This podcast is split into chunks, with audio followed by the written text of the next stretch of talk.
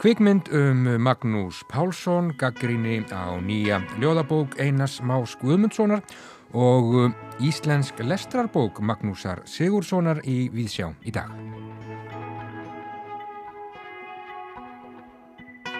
Þeir komi heimsókt til okkar Steinþór Birgisson, kveikmyndagerðamadur og Sigurður Ingólfsson, framlegandi. En þeir standað nýri heimildamind um Magnús Pálsson, myndlistamann sem verður frumsýnd í Bíóparadís um jólaháttíðina og heitir Á skjön.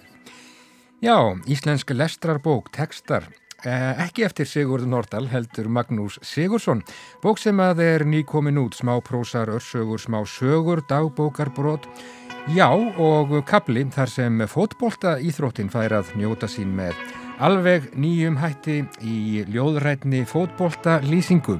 Staðurinn er Berlín, árið er 2015, Juventus leikur við Barcelona Barcelona vinnur 3-1 meira en það síðar. Magnús Sigursson hefur auðvitað eh, vakið aðtikli fyrir skrif af ymsu eh, tægi, bæði frumsamin og þýtt, ljóð og sögur og eh, hann varði ekki alls fyrir löngu doktorsritgerð um bandaríska 19. aldarskáldið Emilí Dickinson. Magnús Sigursson verður gestur við sjár í dag.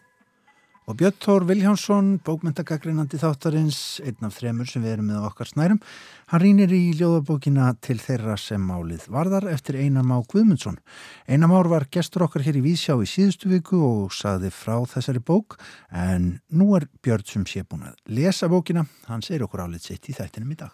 Já, en við ætlum að byrja á um, splungunir í kveikmynd um merkan listamann. Já, við byrjum á myndlist kveikmyndagerð Og jú, fyrst kúarækt.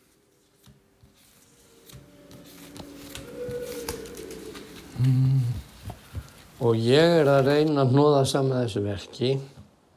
Það sem ég valdi sem viðfámsefni var Íslandst kúakinn. Það hefur verið mikið í umræðunni bara áratugum saman. Hvort að það ætti að blanda Íslandst kúakinn með norsku. Margir bændur vilja halda í sitt gamla landnáms kúakinn raunar. Þetta er það upprunnalega kúakinn sem hefur verið í þessu landi og er algjörlega einstætt og hverki til annar staðar og hefur sína ákveðinu kosti. Mjölkinn þykir vera hotlari fyrir börn heldur en önnur mjölk og að mörguleiti betri. En uh, afurðirnar eru ekki eins miklar af því að íslenska kýrin hún er frekar lítil meða við ellendkókin mm. en uh, þetta er náttúrulega það kyn sem að íslenskir bændur elska og, og íslenskir menn. Núna um hátíðarnar á að frumsýna nýja mynd sem heitir Á skjön og fjallar um eitt merkasta myndlistarmann þjóðarinnar Magnús Pálsson hans verk og hans hugsun í myndlist sem er heilmikil eins og fólk veit sem að fylgist með íslenskri myndlist og hefur haft mikil áhrif. Hingaru komnir aðstandendur myndarinnar Steinþór Birgisson sem er leikstjóri myndarinnar og Sigurður Ingólfsson sem er framlegandi hennar. Piltar, eh, af hverju Magnús Pálsson myndum mann á skjön í myndlist? Já, það hefur aldrei neitt komist neitt áfram með því að fara allt á trána slóðir og ef maður hefur kynst Magnúsi sem ég hef borðið gefið til að þá ef maður hefur mögulegan þá vil maður helst að einhverjur aðrir upplifið það sem maður hefur sjálfur upplifað við þessi kynni og þess vegna er þessi myndur um til mm -hmm. Hvað er það sem heillar þig, Sigurður? Já, kannski mest ráðgáttan við nútíma myndlist Já. sem slík og kannski bara byrtist mjög skýrt í Magnúsi og hans uh, starfsferðli mm. Þannig maður sem að lætur bara því letur um mig leikja allar hérna svona búksorgir að þér verðist og, og, og hérna tekur ákvarðanir um að fylgja eftir sínum, sínum, sínum hugsun í þessu sem er áskjön. Mm -hmm. við allt og, og hver er tilgangurinn með þessu saman. Svo breytast tímanir, þeir eru örgulega að horfa aftur í tíman og þegar að Magnús kemur fram svona í kringum Zoom-hópin og þegar sátími er að renna upp í íslensku myndlist og svo breytast tímanir og hann er alltaf í norðin svona grand old man. Já, sko myndin er raun að veru fjallar um Magnús svona daldið mest í svona nálagt nútíma. Já. Eh, efni er allt frá svona síðustu sjö árum. Mm -hmm þar að segja frá því að hann var 82 ára og á því, þeim tíma þá hefur hann uh, verið að vinna og uh, það hafa aðalega verið uh, stórir gjörningar sem hafa verið settir á svið. Ég er dokumentaraðið þetta ásamt því að taka svo sem þátt í því líka en, og það er svona hryggja stikkið í þessari mynd má segja. En svo er líka retrospekt í henni, það er litið tilbaka en það er svo litið gert kannski frá sjónaróli Nestorsins sem að hefur öðlast ákveði perspektíf mm -hmm. vegna þess að eins og við öllum vitum sem eldumst þá breytist perspektífið en hins vegar að þá er hann ennþá þannig eins og heitlaði mig mest við hann að ég man að þegar ég vann með hann fyrst að þá settist ég niður á eftir og hugsaði ef að ég verð svona frjór í hugsun og svona progressífur og svona nálagt brúninni og ef ekki yfir hana í öllu sem ég geri þegar ég er sjötur mm -hmm. Þá bara ætla ég að degja hamkisramur sko. mm -hmm. og Magnús er þannig hann er bara er alltaf út á brún mm -hmm. með það sem hann er að reyna að segja og koma saman Nú er búin að vera í gangi síningnir í Hafnarhúsi á verkum Magnúsar uh, svona, hvernig finnst ykkur þessi verk tala inn í samtíma okkar og okkar hugsun? Já, við erum kannski svolítið í þessari myndarinn að tengja þetta tvent það er svona ákveðin þáttaskil í uh, hérna, í ferli Magnúsar, hann er verður uh, kannski hérna þekktur í þröngum hópið fyrir, fyrir það að steipa ólíklustu hluti í gifs mm -hmm og mikið uppahald á gifsi og, og, og hérna haft í gegnum tíðina og, og er ennþá leikur ákveði hlutverk en síðan fer hann yfir það að búa til hluti úr, að búa til verkin úr, úr bara fólki og tíma þess og hljóðum og hverstaslegum smálutum og þeir verða tímaháða, svona serialverk og þá næru þess ekki á benilegri myndlistasýningu eina goða leginn til að dokumentera þetta fyrir bara til dæmis fyrir framtíðina en þó fyrst og fremst fyrir samtíðina að það er að eh, kvikmyndin lang heppilasta formyndi þess mm -hmm. þannig að, að þetta komplementerar bara hvert annað sko. mm -hmm. þessi, þessi síning og það er náttúrulega ákveðis svona ljóskastari á Magnúsi núna, það er sjálfgeft að menn, eh, myndlistamenn er svona langan feril, eða hér á landi og inn í list að þá er hann alveg einstakur fyrir þennan langar sköpunarferil mm -hmm og við tökum útgangspunktin í núinu, þetta er Magnús að skapa eins og hann er að skapa núna þannig að þetta bæti talsveit miklu við það sem að, hérna, þó að, að síningi færi mjög djúft og, og, og, og mikla breytt ja. að það heldur við komast með nær Magnúsi og lengra og lengra inn í núið bara vegna kveikmyndaformsins mm. og hvernig við nálgumst þetta Það hefur aldrei átt við mig að vera að pæla mikið áður og, reyna að, setja fram einhverjar fyrirfram mótaðar skoðanir. Hend, þetta hendar mörgum og er ágætt en, en uh, það hefur ekki verið mín leið á einhvern móta.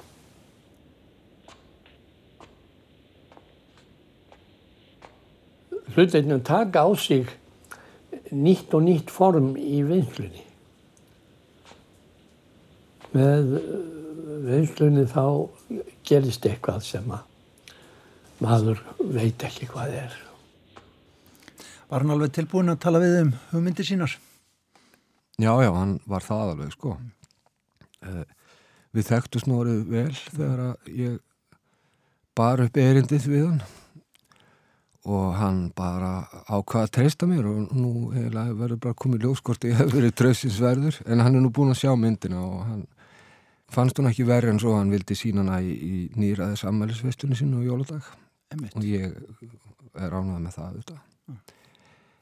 En sko, bara til þess að svona segja það sem að uh, það sem að Siggi var að segja áðan að, að sko þú veist, Magnús, ég hef verið að hugsa ég hef búin að vera að hugsa mikið núna á síðustu metrónum þegar ég hef verið að horfa á svona myndin að verða til og svona taka á sig það form sem hún einhvern veginn alltaf haft að hafa. Að þá er ég einlega komin á þá skoðun að Magnús Pálsson er einlega alltaf myndlistamæður, hann er bara tónlistamæður held ég. Já, já. ég held að hann enda þar ef hann Það er, er niðurstað myndarinnar. já, ég veit ekki, Já, kannski hljóðskúltúr, er, Já. hann er skúltúristi í mínum Akkúrat. huga en, en svo er síðan efniviðurinn í skúltúrin er, er eh, ekki síður hljóð en annað og í meira mæli á síðustu árum meira og meira Get, getur það. verið hvað sem er, tungumál, tónlist. Já, þannig hann er í rauninni að, að kannski að afnema skilin á milli þessara listgreina á, á, á mörgum stöðum í sínu verki. Já, ég held að hann hafi verið mjög sko áfram um það að, að, að, að gera það. Og bara beita þeim aðferðum og draga fram þá hluti sem að já, í raun og veru kannski strýpa meininguna út úr tungmálinu, skilur þú veist, og færa hana meira yfir í, færa það meira út í tónlist, skilur sem að hefur ekki þessar takmarkanir. En á sama tíma er hann að gera, er að skú, gera, gera skúltúra, hann hann er að gera þrýfið verk sem að gerast live og á sama tíma að, að, að eiga við tónlist tilfinningana sko. Sko, það er svolítið langt þegar hann fór að, að taka þessi skrefi að má út skilin á milli, þetta er talað um högmyndalist og síðan þannig er máluverkið og hún er, máluverkið er flatt og högmyndalistin er þrýfið og, og svo er list sem reyfist, leiklist.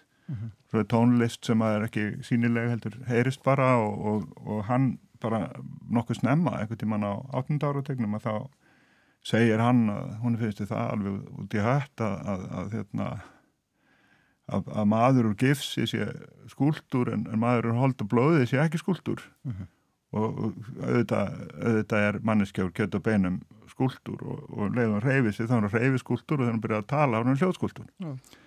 og þessi hugsun hún er svolítið, svolítið komið svolítið skýrt fram í, í það. Á þessu síðasta skeiðans þá er hann að ná að samin allar þessar þessar hérna, þætti í listinni. En þið, sem sagt, bjóðu þetta fram á ammæli meistarans, uh, sér síning þá, en hvernig síðan með svona almenna síningar um aldrei? Já, hún verður frumsynd í, í Bíóparadís, sjálfsögðu, heimili kvikmyndana á annan í jólum. Þetta er jólamynd Bíóparadísar 2019. Þannig í staðin fyrir að fara á nýjustu Hollywood stórmyndina þá geta menn uh, hérna að menn þannig valkost að fara og horfa Magnús í Bíóparadís og verður sínd eitthvað fram á árið og við erum að vonast eftir við stormandi aðsókn, þannig við erum að gríp, glíma við eh, hérna, djúpar ráðgátur Já. og allir sem hafa einhvern tíman hugleitt það hvað tilgangi þetta alltaf maður þjónar þetta er bara mynd fyrir þá Hljóma vel. Takk kærlega fyrir komuna í Vísjá. Takk. Takk að þér En eh, sko, það er bara þetta ég bara átta ekki á því hvernig þessir hlutir fá sína meiningu, jú, þeir eh, fá sjón, sjónræna meiningu hjá sjálfum mér. Síðan les maður það sem aðrir er að skrifa um þá hvað öðrum hvernig þeir, þessi hluti snerta aðra og það er manni gjörsamlega framandi sko. Eins eh, ætla, eh, vil ég ekki segja að það sem er skrifa sé ósatt þó það sé eitthvað sem að mér hefur aldrei hugkvæmst í tengsl við þennan hlut. Ég held að það ósjálfráða í gerð hlutarins sé það komi innra frá manni sjálfum og er þar af leðandi afleiðinga af, umhverfinu því sem gerist í, í samtíma. Þá voru þeir Steinþór Birgisson og Sigurður Ingólfsson sem sögðu frá heimildamindinni um Magnús Pálsson sem þarna talaði. Hún heitir á Skjön og verður tekinn til síninga yfir hátíðarnar í Bíóparadís. Já, Magnús Nýraður. Já.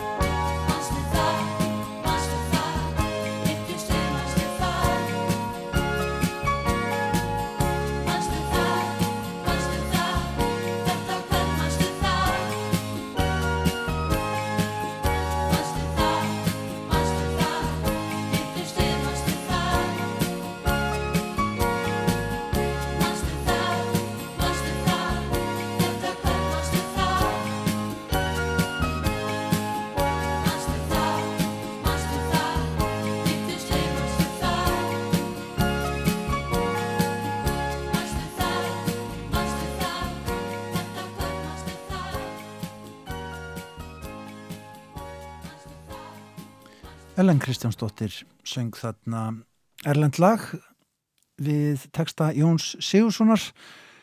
Það heitir Minn eini Jólasveit. Manstu það? Já, manstu ég, það? ég man það heldur betur. Þetta er skemmtilegt lag af uh, skemmtilegri og afskaplega vinsætli plötu sem það heitir í hátíðaskapi. Alltaf þetta er aldrei ágeng spurning, þetta manstu það? Já, ég hugsa að þú hefði verið svona fjögur að fimm ára þegar svo plata kom út. Ég var hins vegar komin í þrjusastuð. Já, ég man þetta mjög illa bara. Já, ég man mjög, mjög vel eftir henni. En uh, uh, við ætlum að halda fyrir okkar áfram hér í Víðsjá á miðugudegi. Snúum okkur að bókmyndum Einar Már Guðmundsson. Réttufundur hann var gestur okkar hér í Víðsjá í síðustu viku og uh, sagði okkur frá ljóðabókinni til þeirra sem málið varðar. Björn Þór Viljámsson er uh, búinn að lesa og uh, við skulum heyra hvað hann hefur að segja. Til þeirra sem máli varðar er sjönda ljóðabók Einars Más Guðmundssonar og óhætt er að segja að útkoma hennar sæti nokkrum tíðendum. 13 ár eru liðin frá því að undanfærin kom út, ég stýtti mig leið fram hjá dauðanum, frá árinu 2006 og sé litið handan hennar, kemur jafnframt í ljós, að þá höfðu 11 ár liðið síðan í auga óreiðunar kom út. Ný ljóðabók frá einari er með öðrum orðum ekki dagfarslegur viðburður. En svo spilar fleira inni þegar maður hugsa um einar má og ljóðlistina. Ákveðin tenging reynist vera til staðar sem er í senn bókmyndasöguleg, æfisöguleg og kannski líka eilítið nostalgísk.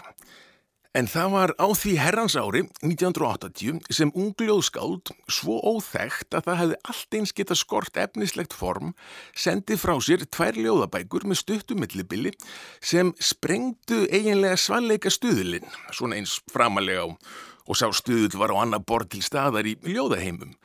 En hér er auðvita átt við sendisveitninir einmanna og er nokkur í koronafötum hér inni.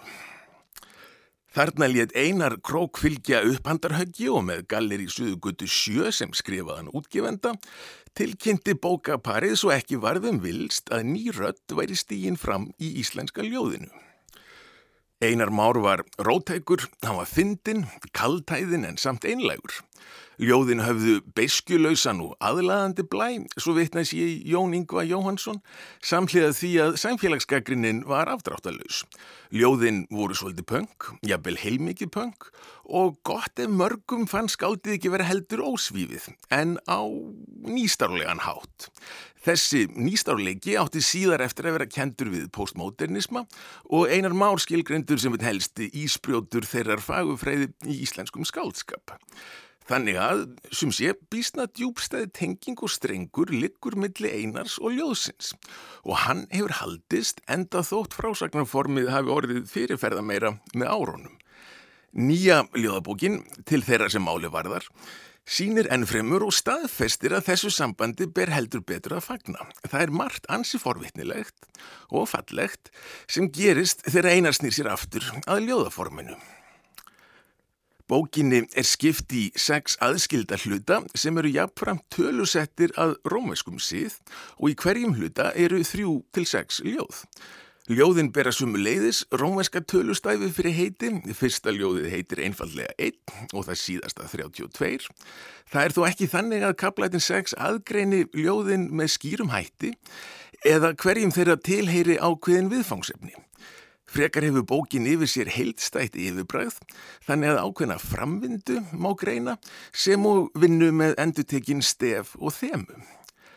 En það sem kannski fyrst krefst aðtikli er sjálfur titillin til þeirra sem máli varðar. En um leið og orðin vísa til upphafs samskipta sem skrifuð eru í formlegum tilgangi verður ávarp bókarinnar greinilegt, ávarp sem jafnvel er daldið ágengt. Boltin er í höndum lesandans. Bókin telur sig eiga erindi, svo mikið er ljóst, en ekki er víst að það sé við þig. Það er eitthvað sem þú verður að ákveða sjálf eða sjálfur. Og ef ákverðinin er svo að málið vissulega varðið þig, þá getur lesturinn hafist. Líkt og ávarp titilsins gefur jafn fram til kynna hefur ljóðmælandi í hyggju að koma á samskiptum við lesanda, jafnvel daldið persónulegum. Fyrstu personu fornafnið er til dæmis áberandi, röttin og personan sem mælir klæðist hann í lýríska jeginu og ávarpar lesenda í annari personu. Ætlunin er að innlima og virkja þann sem um bókina heldur. Getum við verið samóla um það? Spyr mála miðlandi ljóðmælandin til dæmis í ljóðið þrjú og heldur svo áfram. Eða er þetta ofdökmynd? Þú vilt kannski meiri bjart síni. Já, einar er kannski að bjóða okkur velkomin í gagvirka ljóðið. Það er svo í áttunni sem lesanda er heilsað formlega. Hann er búin velkomin inn í bókina. Og ef einhverjum skildi finnast áldi seint í rassin gripið, þá kemur ljósað ljóðmælandi hreinlega glemdi að sinna gæstgefa hlutverkinu á upphafs síðunum. Ég hafði ætlað að bjóða ykkur velkomin, en ég glemdi því, eða ljóðin létu mig gleyma því til að ég geti gert það núna. Ég gæti líka sagt, ég glemt að bjóða ykkur, velkomin, af því að þið eru það. Sumt þarf ekki að segja.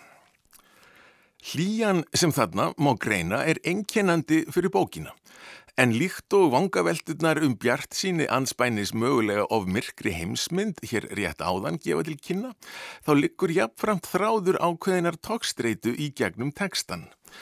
Brotljóð úr fjerska færast nær og nær, segir á einum stað og það er eins og vá af einhverju tægi sé undir ströymurinn í all nokkrum ljóðunum. Oftar en einu sinn er til dæmis skýrskotað til lofslagsvannar En háskin sem stundum virðist vofið við ljóðunum er þó kannski fyrst og fremst sjálfur forgengileikin og hugmyndin um að allt sé á hverfanda kveli. Þessu er þó öllu tekið með ákveðinni formlegri stillingu. Enda þótt lífið sé upp ákveðinu marki ávalt hættu spil, eru endalógin fyrir fram ákveðin, það er ekki tér sem beinleins kemur á óvart. En samt, þetta getur verið stríður þangagangur. Meðan dauðin er hinnum ungu ósýnilegur og óskiljanlegur, þá verða útlínur hans skýrari með aldrinum og ljóðmælandin sem hér er í forgrunni er einmitt í þeirri stöðu að vegurinn sem við blasir þegar litiður um auksl er all mikið lengri en sá sem enn er ógengin. Háska tilfinningin tekur því á sig trega fulla mynd og verður stundum melankólísk. Til dæmis þegar hugurinn leitar aftur til gladværðar hjartapríði og hugsunaglóðar æskunar. Eins og ljóð 11 er dæmum. Við hengum í þvottasnúrum dægranna og sveipluðum okkur í skíjónum með öll þessi lög í eironum. Yfir til þín kalla ég á hleyp, hleyp í ringi, endalösa ringi í kringum allt sem er, yfir holt og hæðir, fjöll og dali, múra sem rýsa og múra sem hrinja. Nokkru síðar er þó eins og ljóðmælandin hrökkvi aftur til síns veruleika, sinnar tíðar, aldurinn hefur færst yfir og endurmenningarnar eru aðeins tímabundið skjól. Dagar lífsmins, litónum hefur fjölgað ef eitthvað er, nú hljóma önnurlög úr öðrum skúrum eða kjöllurum, Ég veit ekki hvort þið eru mér jafn hlýðhóll, en það breytir engu. Því að nú eru aðrir að hlusta, aðrir að hlaupa, aðrir að fljúa, tengja sig við tíman og fljúa. Þetta eru örlög kynnslóðana, aðrir taka við keflinu. En flug og fuglar eru meðal þeirra mörgu stefa sem greina má í ljóðunum og tákna þá hamingju og frelsi. Nokkrum sinnum eru við stödd í skógi og jafn oft stöndum við úti í tungsljósi, líkt og álvarið Jónasar sé á næsta leiti. En mikilvægasta þema ljóðana, eins og þau blasa við mér, er forgengileikin áður nefndi og það hvort mögulegt sé að samræma ríkidæmið sem vitundar líf manneskunar er og fullvissuna um að það sé hverfilt og að það sem tapast sé þá allur sá fjársjóður, reynslu, skinnjunar, skilnings og þroska, aflraunir vitsmuna og ímyndunarafls sem lífslaupið hefur kallað fram, hvers samlegð er sjálfur veruleiki vitundarinnar, líkt og sandur og steinefni skapa með tíð og tíma perlur. En það sem Einar Már kallar á einum stað fríríki hugans er öðrum óaðgengilegt og hverfur að lókum í svartólið. Líkt og ef perlan leistist upp þegar hafsbóts lindýrið sem hýstana sapnaðist til feðra sinna. Til umfjöllunar er, með öðrum orðum, það reygin tilvistar nexli sem fælst í stundlegri viðverunni Þessu megna óréttlæti sem við sem tegund höfum veitt við náma af aðlefli frá upphæfi daga og þar víkur sögunni að skátskapnum. Langdrægast af vopninu í baráttunni fyrir framlengingu hugsana og tilfinninga. Í tjáningu ljóðmælandans og viðtökum okkar fælst andof gegn ofríki endalokana. Í þessum skilningi var þar málið sem ljóðabókin bryttar kurtesislega upp á í titlinum okkur öll og ég í öllu falli mæli eindreið með þáttöku í samtalinu. Já, þetta hafði Björn Þór Viljámsson að segja um um ljóðabókina til þeirra sem málið varðar eftir Einar Má Guðmundsson. Björn mælir með um, samtali við Einar og um, ljóð hans. Ný bók eftir Einar, sjönda ljóðabók hans sem að, já, hóf ferilsinn sem eh, ljóðskáld engar eftir minnilega árið 1980 fyrir bráðum 40 árum.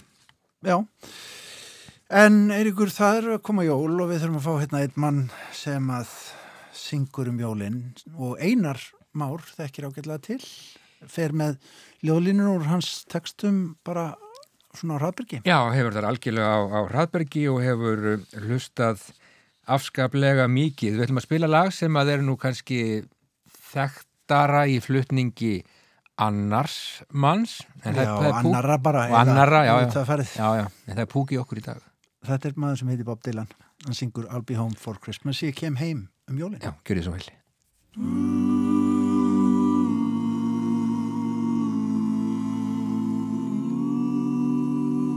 Ah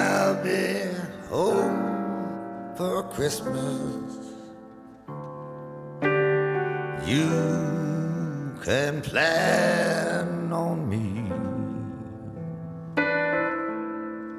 Please have snow and mistletoe and presents on a tree. Christmas Eve will find me.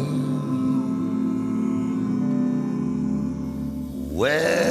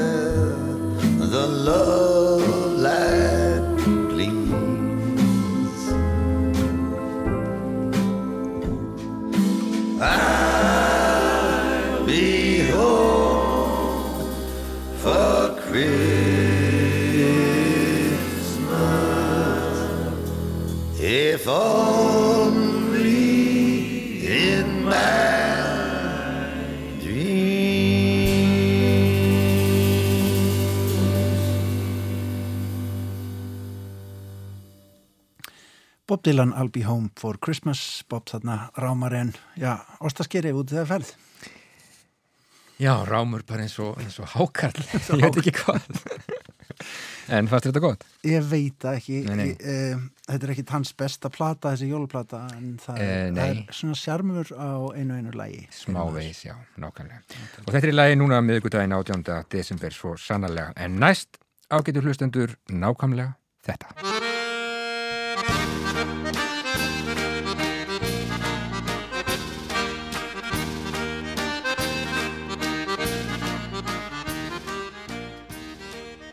Hljóðvilla á vestfjörðum.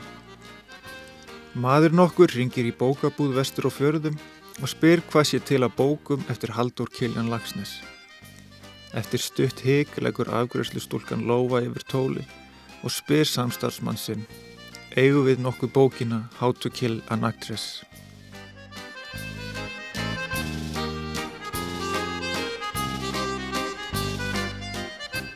Magnús Sigursson, þú varst að gefa út uh, skemmtilega bók sem að heitir uh, því kunnulega nafni Íslensk lestrarbók og uh, hefur undir titilin uh, textar. Og já, þetta eru, þetta eru textar, þetta eru brot úr ímsum áttum, þetta eru örsögur og smámyndir og já, dagbókarbrot líka. Og svo er nú þarna heil mikil og laung knattspyrnu lýsing uh, sem að er nú uh, kapli sem ég manu ekki eftir að hafa séð á bók, íslenskri bók áður. En uh, þú fer þarna í smiðju Harðar Magnússonar sem að, uh, hefur nú líst mörgum leiknum í gegnum tíðina. En Magnús til hamingi með þessa skemmtilega bók. Uh, þetta er svona kannski kallast örlítið á við bók sem að koma út í fyrra eftir þig og heitir Trega handbókin, segðum við þess frá, frá þessu riti Já, Sigur Nordal gaf þetta út íslenska lestrarbók á sínum tíma og færði rauk fyrir því að það væri samhengi í íslenskum bókmyndum. Það væri einhver gegnum gangandi þráður sem, sem bindur þetta allt saman. Já. Frá fortbókmyndunum til, til, til okkar tíma.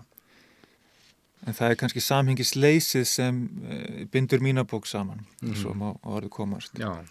En það samhengisleysi er, mitt samhengisleysi, getur við sagt, mitt sundurleysi, það er allavega einhver þarna mm, rittstjóri að baki sem reynir að, að steipa þessum tekstum saman og vonast til þess að, að það myndist einhver heildarmynd, einhver Já. síður. Já, en þarna er ákveðið svona heillandi samhengisleysi sem að jú myndar finnst mér svona þegar upp er staðið ákveðna heild en þetta eru já smásögur, tekstar, prósar, uh, dagbókarbrót, örsögur og svo framvegis. Já, sitt lítið að hverju úr, úr, úr ímsum áttum. Mm -hmm. Og ég svona horfi, það lít kannski svolítið á sjálfa mig þannig að að ég kem að bókmyndunum úr ímsum áttum, bæði sem höfundur, sem fræðimaður, sem þýðandi og kannski má segja eins og stundum er sagt að höfundur fæsti skriftir, ég fæsti skriftir með, með, með ímsu móti Mm -hmm. Þannig að ég er ekki engungi í hlutverki frumsemjandi höfundar í, í þessari bók, ég er líka skrásetjari og þýðandi, Þýðandi. og þýðandi og, Já, og kannski reitstjóra einhver leiti líka því að ég finn að það eru textar sem verða á vegi mínum sem ég, sem ég hyrði og, og, og presentera upp á nýtt í, í nýju samhengi. Já, þú ert í samtali við, við fjölmarga teksta. í Já, er, mér finnst forutnilegt að sjá hvernig textar, hvernig merking texta breytist þegar samhengi breytist Mhm. og því að við vorum að tala um uh, þennan kabla, fótboltakablan það er reyndar löng hefð fyrir því að, að, að taka texta úr sínu upprunalega samhengi og, og, og setja í nýtt og til dæmis eru núna í ár 50 ár liðin frá því að Peter Handke sem fekk Nobelsverlunin um daginn Mhm. tók byrjunarlið úr þíska fótboltanum og presenteraði sem, sem ljóð. Já, þannig að það er allavega hálfrar aldar um, hefð hefð fyrir þessu. þegar kemur að fótbolta ljóðlist. Sjáu þessa sendingu þarna! En Buffon bjargar inn í að staðna með einhvern ótrúlegasta snúning en Buffon algjörlega frábælega hvernig las hann þetta Savi farin að hita upp. Sjáu þessa sendingu hérna hjá Iniesta. Allir Suárez en Gianluigi Buffon stríðshestur Júve mættur. Ekkert vandamál. Þú tekur þarna lýsingu á leik, uh, þar hörður Magnússon sem að lýsti leik sem að framfór hvað í Berlín 2015, uh, Barcelona og Juventus. Sko þú leggur heilar uh, hundrað síður undir þetta og, og skrifar þetta bara, já, orðrétt upp eftir herði. Jú, orðurétt. Mitt framlag fælst í því að já, finna textan, eh, koma honum á framfæri í, í þessari bók, en síðan ekki síst í því hvernig ég skrifa hann upp. Já. Og það er, það er, það er þar sem ljóðlistin kemur til skjálana og, og þau verkværi sem ljóðlistin býr yfir, sem er eh, línuskiptingar, línuhlaup, típografísk uppsetning á síðunni, Mm -hmm. ritáttur og þar fram eftir göttunum Já. stíleg stíleg verkværi sem ég beiti til þess að endurskapa rithman og ákafan í lýsingunum Einmitt. Morata, við sjáum bara vandraðin sem Barca eru í. Juventus er svo sannlega ekki með neina minnimáta kent hér gegn FC Barcelona, ekki til að tala um það. Evra, Pogba, skotið, en það er svona tiltulega beint á Ter Stegen. Við sjáum alveg að það er að opnast möguleikar fyrir Juventus, gríðaleg vinsla í þessu Juventus liði. Þeir eru komni síðan strax í sínar hólur. Þetta er hinn fallegi leikur. Og í kjölfarið fylgir lítið brot sem að heitir, já, meira en leikur þar sem þú, já, líkir uh, fótboltanum bara við, uh, við uh, ljóðlist og hérna, þetta sé svona, já, með svona sjá margt, margt hérna, hliðstætt með, með ljóðlist og fótbolta. Á öðrum stað í bókinni held ég að þú segir að það sé engin skortur á ljóðskáldum í boltanum en ljóðskáld vinna ekki titla en þú sérð uh, samhengi milli, milli fótbolta sem að þú ert mikill áhuga maður um og, og ljóðlistar. Já, kannski einhverju leiti. Um, sko, ástriða er ástriða, sama hvaða mynd hún tekur. Mm -hmm. og, og ég vil ekki gera lítið úr, úr fókbalta ástriðinni. Nei. Hún er svo sannlega sönn og einlæg. Mm -hmm. og, og ljóða ástriðan er það líka fyrir mér persónulega og þarna gafst mér kostur á að, að samina þetta tvenn, áhuga minn á fókbalta og áhuga á, á ljóðlist. Já. Hvað er í aðlisinu ljóðrætna en hrein og óskoruð ástríða skrifar þú? Já, það held ég að sé allavega þess okkar hefbundna hugmyndum ljóðlistina sem svona tjáning uh, tilfinninga, heitra tilfinninga Mm -hmm. en, en, en svo eru þetta hægt að koma að ljóðlistin úr annara átt út frá, út frá ákveðinni svona að ljóðlistin sé ákveðin hugmyndalist eða konceptual uh, list. Og, og það er kannski í þá hefð sem ég sæki með, með þessu með þessu ljóði, þessu fundna ljóði. Já. og þarna eru þeir allir Suárez uh, Rakitic, Neymar og, og nefndu það. Já, og ódöðlega er og síðan íslenskra bókmyndasögu skulum við segja og Messi sem þú kallar skordýr í öðru samhengi. Já, og ég stel því reyndar eins og mörgöður í bókinu frá, frá e, þeim mikla snillingi Gumma Ben. Já, nokkanlega Messi út á Alba heldur betur baulið núna Messi, þetta er markspilna 1-1, 25 minútur eftir þessum leik. Fóra Messi Rakitic með Mark Barca. Morata jafnaði fyllilega verðskulda. Þetta er hrífandi fókbóltaleikur eh, Þetta er náttúrulega mikið til eh, svona bók um, um lestur það er hérna kaplið framalega eh, sem að er letidrengurinn, veður dagbók sem að fjalla nú um, um svona, já, bókamann og, og, og lestur og uh, þú ert líka að skrifa um uh, þýðingar, þú ert að lista upp, þú ert mikil áhuga maður um lista af ymsutægi. Já, þetta eru kannski aðferðir til að lifa af bókmyndirnar, lestur, Mm -hmm. að hverfa inn í þann heim, uh, að leita svara í, í bókmyndunum, að reyna það, uh, að sjá hvort að þær geti veitt manni einhvert atkvarf, einhver svör. Mm -hmm. Og það eru þetta viðleitni sem, sem stendur öruglega æfina á enda og sem betur fer. Allavega hefur hún, hefa bókmyndina nýst mér á þann hátt í, í, í, í, í þó nokkuð tíma. Já. Uh, og einhvernur orðin frá Pessoa er það ekki að maður uh, vilji maður forðast uh, lífi þá, þá séu bækur þægilegast að leiðin. Já, einmitt, hann er, hann er auðvitað gott dæmi þess hvernig hægt er að markfalda sína eigin tilvist í, í gegnum bókmyndirnar með því, að, með því að vera annar en maður er eða, mm. eða já, skapa sjálfansi upp og nýtt já. Og það eru dæmi fleiri höfunda höfundur sem ég hef miklu með um Emily Dickinson gerði slíktið sama. Og ég hérna, er hérna nýbúin að verja doktorsritgerð um hana og, og hennar ljóðlist. Og það er eins og með Pessoa það fundust ógrinni handrita eftirlátin eftir hennar dag.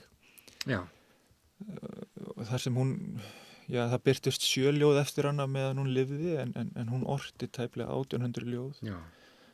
Ljóðlistin getur verið hliðarveröld og, og kannski er þessu fórskiti hliðar ofaukið ljóðlistin er bara veröld sem hægt er að, að búa í Já, nokkanlega.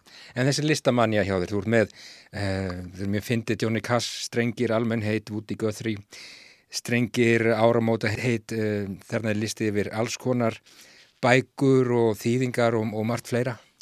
Já, Þorbergur Þórðarsson gerði þetta og það er mm -hmm. frægulisti listi eftir Jorge Luis Borges. Já. Ég held að þetta sé að sama toga að reyna að átta sig á, á veruleikunum í kringum sig og henda reyður á honum með einum öðrum hætti og þá geta listar verið ákveði verkværi til þess. Já.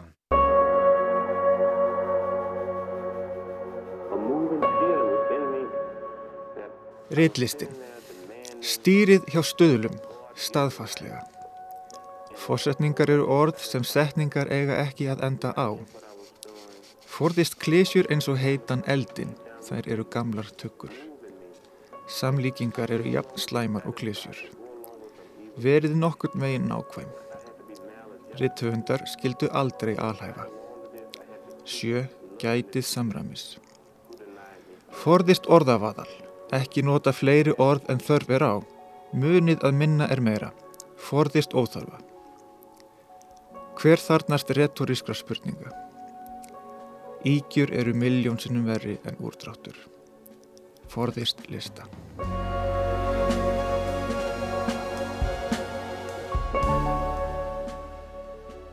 Ertu hrifin af svona jaðarformum, uh, textum, prósum, uh, brotum, örsögum og já, áttu þeir kannski einhverja uppáhaldshöfunda á þessum slóðum? Við hefum nefnt Pessoa hér og, og, og Borges. Já, höfundur sem heitir David Markson sem vann mm -hmm. meðvitað með svona stutt brot. Já. Ég, ég á erfitt með að, að hérna, innlifunar hæfileika mínu þegar kemur að, að skálskap eru litlir. Ég á erfitt með að festa mig við skáldsur og framvindu. Já.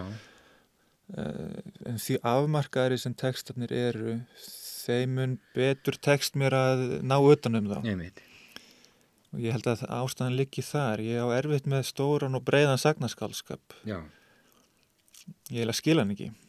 En, en, en stittri form henda betur Já. minni ég. Já, mjög áhugavert.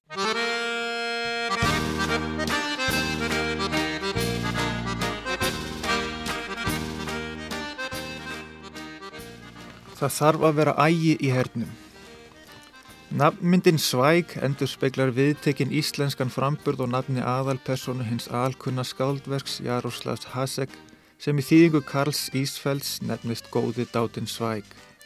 Nafni getur því talist hafa unnið sér menningarhelgi á Íslandi. Nafnmyndin Svæk brítur ekki í bá við Íslenskt málkerfi.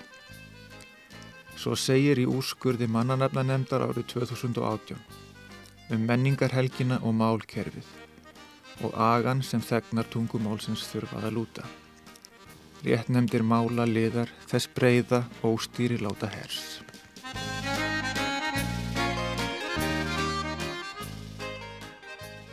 Þarna ertu svo með uh, dagbókarbrót sem að þú hefur væntanlega þýtt. Það er úr uh, dagbókum eftir uh, konu sem að hétt Emily Carr, kanadísk listakonu er það ekki? Já, stór merk Já. og, og, og, og stór, stórkoslega myndir hennar, hennar. Hún er að skrifa mikið um sína baráttu, baráttu við sjálfa sig og baráttu sína við listina Og, sem það eru bókmyndir, myndlist eða, eða annað, myndlistin varð henni einhvers konar hlýðarveröld eða, eða bara veröld út af fyrir sig. Og hún skrifaði mikið um, já þennan slag að vera listamæður, mm -hmm. einmannaleikan, að njóta kannski ekki viðkerningar, en berjast þú áfram dag eftir dag, ofta á þess að ná einhverju markverðum árangri. En það er þessi barátta sem... sem er mjög rík af tilgangi held ég Já. þó hún sé erfið þá hérna já, ég segi fyrir sjálf um mig að ég er mjög þakkláttu fyrir hana þó að þó maður náu kannski einhverjum árangri og, og njóti kannski ekki hilli og þar fram til göttunum þá er þetta samt sko já þetta gefur manni einhver tilgang Já, þú talar um þessa baróttu Magnús, það er nú mikið það er nú mikið glens í þessari bók og hún er mjög svona kankvís. Er það virkilega rétt að hinstu orð Elvis Presley hefur verið þessi, ég ætla á klósetið að, að lesa. Er þetta rétt? Mér skilst það. ég veit ekki betur. Nei, þú ert ekki að dikta þetta upp. Nei. Nei, nákvæmlega. Hvað er svona framöndan hjá þér, Magnús? Það er nú bara tæp vika til jóla og ég, ég þú horfur óbyggla á fótbólta um jólinn ef ég þekki þið rétt. Jú, sem betur fer. Það er, það er nóg spilað í ennsku dildin yfir hátíðunar. Og... Þið leiðist ekkit. Nei, þetta, þetta kemur mann í gegnum þær. Já, þú reypar kannski niður eina lýsingu eða svo. Já, það er gefst. Á öðrum jólum. Einmitt. Já, nákvæmlega. Herr, ég sé bara takk fyrir komuna Magnús Sigursson og til hamingi með þessa skemmtilegu íslensku lestrarbók sem að kom út fyrir fáinnum vikum. Það er dimma sem gefur út tekstar úr ýmsum áttum og af ýmsu tægi samhengislausir nú eða fullir af samhengi, ég veit það ekki, sjáum til, takk fyrir komuna. Takk, takk. Sjáu þið, Pól Pogba fer niður, vill á vítaspinnu er alveg brjálaður. Juventus miklu líklar í hér. Frábær sending hér. Út á Vidal, Bonucci með þessa sendingu Pirlo, fr skemmtilega gert aðna hjá Pirlo neyðavörn hjá Barcelona. Sjáum þetta hérna aftur, Pól Pogba ekki neitt, að mínum að þið ekki neitt